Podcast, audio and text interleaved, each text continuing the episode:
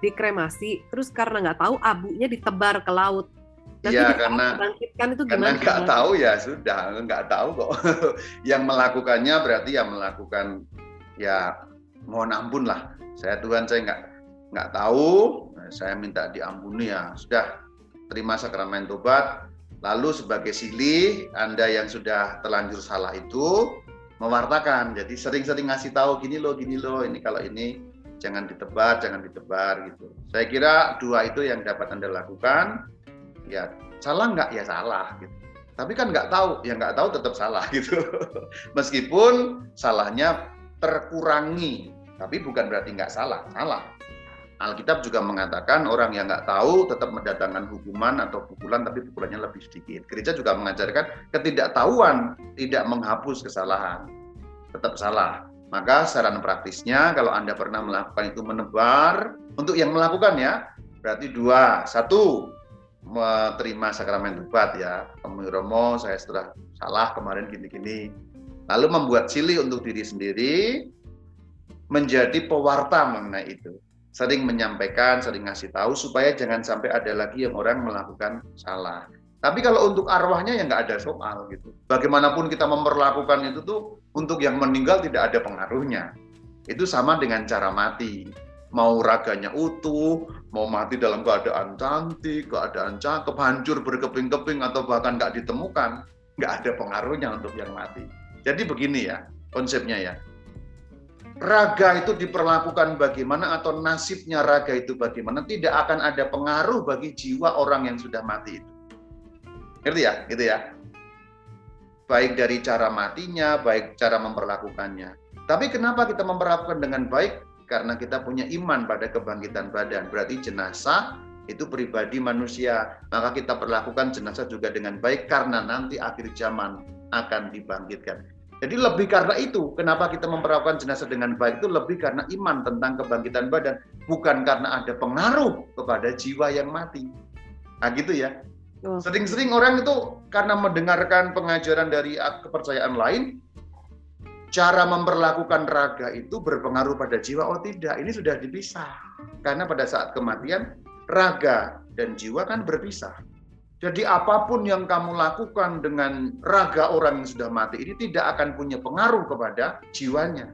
Kalau di film-film Hollywood kan, karena ini musuh, kita mutilasi supaya nanti jiwanya tersiksa. Nggak ada pengaruhnya bro, karena itu sudah pisah gitu. gitu ya konsepnya ya. Iya, tapi penjelasan Rama ini benar-benar ngebuka pikiran juga loh. Kalau misalnya kita mikirinnya justru orang berpikiran pada arwahnya, padahal sebenarnya arwahnya mah nggak ada urusan lagi gitu ya, Maya. Ada urusan lagi, gak tapi pelakunya lagi. itu. Ya. E -e, tapi justru pada pelakunya ya, orang selama ya. ini malah mikirin arwahnya, mikirin abunya. Ya. Jadi kalau kita melakukan salah terhadap apa pun prosesi kematian atau pemakaman atau pengkremasian tidak akan membawa pengaruh apa pun pada jiwa orang yang meninggal. Kenapa? Kan sudah dipisahkan. Kematian berarti jiwa dan raga berpisah. Jiwa menjadi diadili atau menjadi masuk dalam pengadilan, raga menjadi busuk karena murni material sekarang. Jadi raga yang tertinggal itu sama dengan yang lain kayak batu kayak apa gitu ya. Jadi tenang, nggak akan ada pengaruhnya. Waduh, kalau ditebar nanti jiwanya gimana Romo? Bakal hilang apa nggak? Tenang, nggak akan hilang. Tenang, tenang gitu ya. Gitu. Tolong dijelaskan kenapa abu tidak boleh ditebar sih? Ini menyambung pertanyaan tadi. Oke, okay, oke. Okay. Ya. Ya, kenapa gitu? Dan sebaiknya tuh gimana? Kenapa kok nggak ditebar ya? Simple, ini jawabannya adalah penghargaan kepada korpus, yaitu jenazah kalau bahasa kita. Penghargaan kepada jenazah. Eh, bahasa nalarnya sangat simpel abu bagaimanapun adalah jenazah. Dan jenazah ditebar berarti kita akan membuang jenazah. Memang itu wujudnya abu, tapi itu jenazah. Jadi sebenarnya kamu menebar abu jenazah ke laut itu seakan-akan gini.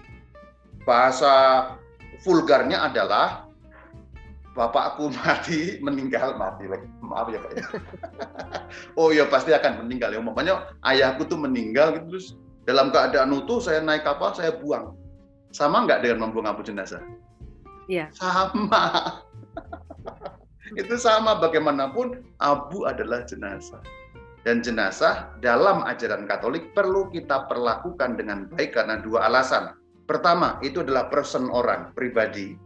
Kedua iman tentang kebangkitan. Jadi kita perlu persiapkan orangnya Nah, karena nanti akan dibangkitkan loh badan itu, maka kita hormati, kita laksanakan dengan cara yang manusiawi, dengan yang tidak dibuang. Jadi keberatan gereja Katolik membuang abu jenazah karena bagaimanapun itu jenazah.